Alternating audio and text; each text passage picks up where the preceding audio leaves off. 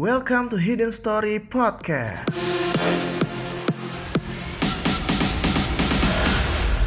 Pernah nggak sih kalian punya cerita yang menurut kalian menarik banget dan pengen kalian share ke orang lain, tapi bingung gimana caranya? Atau pernah nggak sih uh, lu pengen denger nih cerita dari orang lain yang mungkin punya passion, kerjaan atau keahlian yang ya beda dari kita gitu atau beda dari kalian. Kalau gue sih pengen banget ya belajar dari orang lain. Kalau lo gimana, Andri?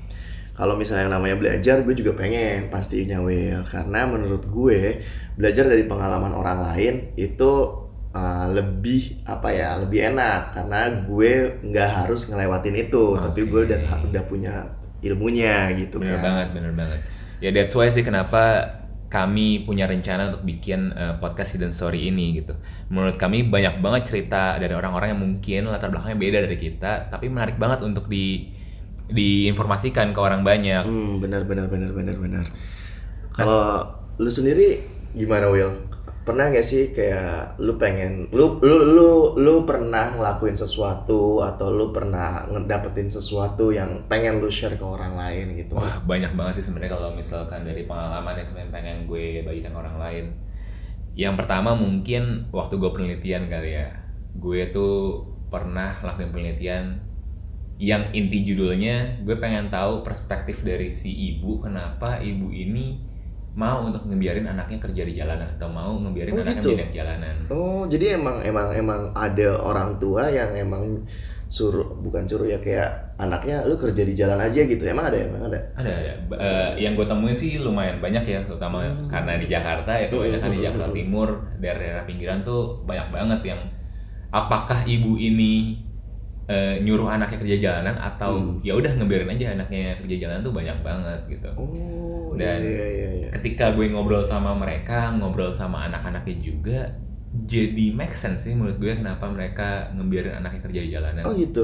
Karena lu bayangin ya sekal sekali atau sehari mereka mm -hmm. kerja jalanan uh, mau jadi pengamen, tukang parkir mm atau bahkan badut gitu ya, badut mm yang keliling-keliling mereka bisa dapetin 100 sampai 150 ribu rupiah gitu seharinya. Per hari. Per hari. Bahkan kalau lu hitung satu bulan kan berarti tiga juta, tiga ya, juta lebih ya tiga empat jutaan. Mm -hmm. Udah hampir setara dengan UMR padahal kerjanya tuh nggak lama. Oh, nggak okay. seharian penuh gitu. Mm -hmm. Dan juga anak-anak ini ngejadiin tempat tempat jalanan ini sebagai area bermain mereka karena mereka nggak tahu lagi ruang bermain mereka mau di mana. Oh, okay. Banyak banget sih cerita-cerita yang menarik yang mungkin menurut gue bisa dan menarik banget untuk orang tahu. Oke. Okay.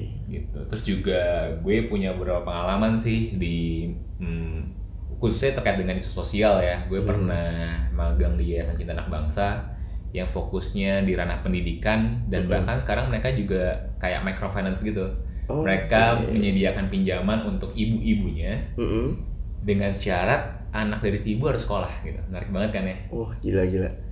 Jadi si si uh, apa tadi? Kayak berarti si anak tuh harus sekolah untuk dapat pinjaman. Ya untuk ibunya tapi Oke. Okay. mengubah persepsi si ibu melalui ya ada pinjamannya itu. Oke, okay, berarti selain apa ya membantu secara ekonomi itu juga ngebantu untuk merubah kebiasaan, merubah yeah. perspektif mereka. Oh. Masa depan mereka juga diharapkan bisa berubah karena memperoleh okay, pendidikan okay, yang lebih layak okay. kan. Oke. Okay. Terus, wah banyak banget ya. Gue juga pernah punya pengalaman magang di Sabang Merauke kalau lo tahu. Mm -hmm. uh, itu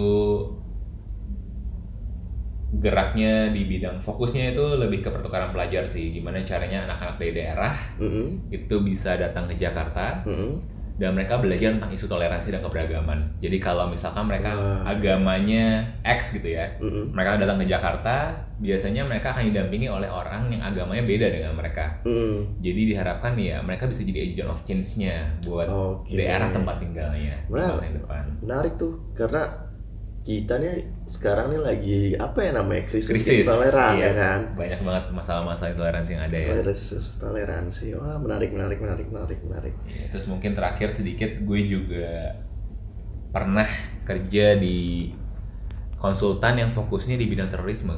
Widih, gila gila gila. Gimana tuh gimana itu gimana tuh? Iya. Lo ikut tembak-tembakan enggak? oh enggak lah. Cuman gue belajar gimana caranya memahami perspektifnya orang-orang yang pada akhirnya jadi radikal mm -hmm. dan gimana caranya ngubah mereka untuk menjadi radikalisasinya itu gimana gitu. Oh. ngubah ngubah pola pikirnya mereka supaya tidak lagi ikut ikutan gitu Mm-mm. makanya namanya counter violence extremism gimana Hmm. cara kita counter kekerasan kekerasan yang ekstrim lah ya gitu Oh, oh, oke. dan yang menarik di sana gue juga ketemu langsung sama napiter napi terorisme di lapas-lapas waktu itu Mm. di lapas Surabaya kebetulan Uh, serem-serem nggak tuh Iya awalnya sih deg-degan ya, tapi Ah. ternyata ketika gue ketemu langsung ya sebenarnya mereka baik-baik aja sih. Mereka punya pemikirannya sendiri, tapi Hmm. mereka juga welcome sama gue. Salaman, tatap muka, it's okay. Padahal, Oh. iya, lu tahu gue minoritas gitu beda pandangan latar belakangnya dengan mereka, agamanya Hmm. juga beda, sukunya juga mungkin beda. Mm-mm. Tapi ternyata nggak nggak nggak seseram lah yang yang kita Hmm. bayangkan tentang orang-orang ter- eh, yang punya kaitannya dengan Oh. eh, atau dikaitkan dengan teroris ya. Jadi eh, pandangan orang tentang teroris yang kayak dikit-dikit ngelihat orang dibunuh lah ini ternyata enggak juga ternyata mereka Ya, masih punya mungkin ada ya, tapi nggak semuanya ternyata Oh. itu. Jadi kayak lu ngelihat satu, misalkan katakanlah ada teroris ya lu nggak bisa serta merta menjudge mereka sebagai orang X gitu. Tapi lu harus tahu Hmm. dulu mereka tipe yang mana. Karena Oh, banyak banget ragamnya oke. gitu. Nah itu menarik banget sih untuk kita pelajarin dan mungkin Mm-mm. next time kita bisa ngobrol-ngobrol sama orang yang lebih pakar kali ya tentang itu. Oke. Nah, kalau lu sendiri gimana, keren. Gue gue pernah nih kayak misalnya gue dulu penelitian tentang asap cair. Mungkin Oke. orang-orang belum tahu ya asap cair itu apa. Ah, gue juga nggak tahu tuh. Asap cair tuh jadi kayak kondensasi dari asap, Hmm. asap yang tadinya gas ke ke angkasa gitu ke ke langit. Ini kita kondensasi jadi cairan bentuknya. Oke, untuk? Mm-mm. Nah, kalau asap cair itu sendiri macam-macam ke- Hmm. uh, kegunaannya. Lu bisa jadi obat, lu bisa jadi pengawet makanan, Mhm. lu bisa jadi pengawet kayu dan karet dan macam-macam banget. Dan sayangnya di kita tuh belum dimanfaatkan sekali gitu Oke. kan. Lu pernah gak sih ngedatengin apa pabrik arang? Itu kalau misalnya lu tahu pabrik arang itu asapnya itu udah kayak kebakaran hutan cuy. Lebat. Nah, eh, tetangga sebelah tuh pasti kan kena penyakit ya namanya ispa dan lain-lain. Makanya eh, pabrik arang tuh sebenarnya harusnya ini apa Jauh jauh, dari dari pemukiman, pemukiman. gitu Oke. kan. Cuma kan karena ya begitulah ya kondisi sosial kita. Makanya sering banget orang-orang yang berada di lingkungan pabrik arang tuh pada kena Kena penyakit penyakitnya. pernapasan. Aha. Nah, dengan adanya itu tuh kita ubah tuh asap-asap yang ngejulang ke langit itu. Oke. Kita kondensasi terus jadi air, cairan. Nah, itu bisa lo manfaatin untuk tadi yang udah gue sebutin kayak misalnya pengawet, eh, obat. Karena di Jepang sendiri itu produk udah apa ya namanya ya? Udah digunakan, udah dimanfaatkan banget. Oke. Cuma di kita masih di ya udahlah ya buat apa gitu kan. Berarti yang tadinya arang ini dampaknya negatif asapnya, terus Mm-mm. lu coba ubah gimana caranya ini bisa berdampak positif bagi Mm-mm. bagi masyarakat ya. Mm-mm. Terus hasilnya gimana itu memang bisa digunakan? memang bisa digunakan gitu kan ada beberapa grade kan yang paling Oke. uh, mentah banget itu grade 3 terus udah di sul apa ya namanya pencernihan kembali itu grade 2 dan grade 1 Wah. Dulu itu pas gue tahun berapa ya 2016 2016 itu harga satu liternya itu Hmm, hmm. itu udah yang grade 3 ya yang grade 3 itu udah 35.000 Oke. Padahal satu Lumayan kilo ya. arang nggak nyampe dua puluh ribu. Jadi lebih mahal juga. Malah jadi lebih ya, mahal karena sudah sudah produknya. sudah Ah, barang ah. jadi ya. Iya, malah lebih mahalan produk sampingannya dibandingkan orang menjualan arangnya gitu. Tapi masyarakat di sana udah gunain, udah ngeproduksi itu atau masih jual arang? Eh, kemarin sempat kerja sama sama salah satu apa ya namanya pabrik arang kecil Hmm. masih menengah ke bawah. Mereka udah coba gunain, tapi hambatannya adalah mereka sulit untuk menjualnya karena di Indonesia sendiri kayak, familiar. uh, belum familiar gitu kan orang belum ada yang tahu gitu. Ketika orang ketika gue penelitian itu pun orang-orang nanya asap kan gas ya mas gitu. Iya. Ya sama sih gue juga bingung sih sebenarnya asap bisa dijadiin kayak gitu ya. iya Tapi kan, menarik, menarik itu banget. suatu hal yang baru banget gitu. Oke, oke. Ada yang lain kan? Terus, oh iya pengalaman gue, gue pernah tuh uh, gue uh, jadi salah satu apa ya volunteering, Hmm. volunteer di uh, namanya apa ya eh, gerakan lingkungan seperti gerakan lingkungan di Bogor Oke, ya ah. nah kalau misalnya lu tahu eh, Earth Hour nah gue salah satu dulu awal-awal ikut Earth Hour di Bogor Oke. gitu. Nah, itunya uh, apa yang gue lakuin adalah ya gue uh, coba untuk engage masyarakat, pemerintah daerah Hmm, gitu kan. Untuk sama-sama sayang terhadap lingkungannya gitu kan. Setelah dari Earth Hour itu tim-tim teman-teman gue di Earth Hour juga ngebentuk yang namanya We Love Bogor Oke. itu kampanye untuk uh, mencintai kotanya dan itu tuh dilombain ternyata dilombain adi, diadu dengan uh, negara-negara lain Wah, gitu. keren. Oke. Nah kemar uh, tahun berapa ya 2000 sorry gue lupa tahun 2000 berapa Bogor dapat juara uh, kota paling favorit Karena di itu dunia. karena karena kampanye. Iya, campaign tadi karena Oke. masyarakat Bogor ikut berpartisipasi untuk apa ya, voting untuk uh, tim Bogor juga kan. Terus kemudian pemerintahnya juga turun, Support Pak Walcott ya. support banget. Jadi tiap minggu uh, ketika ada CFD-nya nih, kayak kita sama-sama campaign kayak ayo dukung Bogor dan lain-lain kayak gitu. Dan itu uh, capek banget sih kayak uh, apa ya namanya ngorbanin banyak hal lah waktu tenaga dan lain-lain tapi Kebayar setimpal ya. dengan kebayar dengan hasilnya Nah gue tertarik tuh sama Art Hour tadi tuh. Mungkin banyak banget orang-orang termasuk gue yang ya dengar tahu Art Hour itu apa Tapi menurut lu dampaknya apa sih kalau misalnya kita nerapin apa yang diminta gitu Apa yang diharapkan gitu sebenarnya kan uh, sebenarnya yang diinginkan yang dituju kan simpel ya Mm-mm. dari uh, kita tuh bisa hidup lebih hemat terhadap energi gitu kan dengan sayang terhadap lingkungan. Nah itu banget.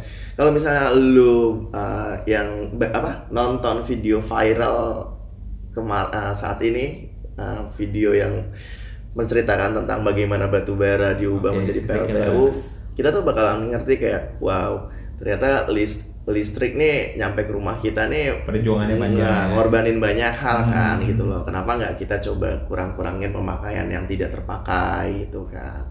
Itu gitu sih sesimpel itu sebenarnya. Karena berarti dampaknya kalau kita boros, masih boros Kemungkinan besar generasi yang akan datang ini nggak akan bisa menikmati apa yang kita nikmati Hmm, sekarang benar ya. banget, benar banget, benar banget. Iya banyak banget sih sebenarnya cita-cita menarik yang mungkin ingin kita bagikan dan mungkin juga kita pengen belajar kali ya dari orang lain yang lebih expert Hmm, dibandingkan hmm, kita gitu. Iya benar.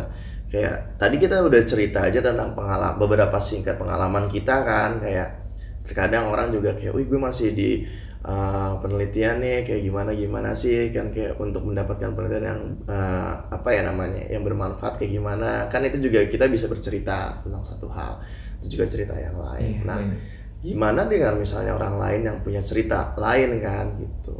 Iya, ya oh, itulah sebenarnya alasan kenapa kita pengen bikin hidden story ya. Hmm, Banyak banget cerita-cerita yang menurut kita tidak terceritakan jadi cerita-cerita yang tersembunyi dan pengen kita gali kali ya. Iya bener banget. Even dari teman-teman kita pun banyak ya, banyak banget teman-teman hmm, kita yang punya hmm. cerita-cerita menarik Hmm, hmm. banget sih menurut kita. Iya, karena sayang banget ketika uh, mereka punya cerita cuma tidak disampaikan dan cuma jadi cerita yang tersembunyi Iya. gitu kan.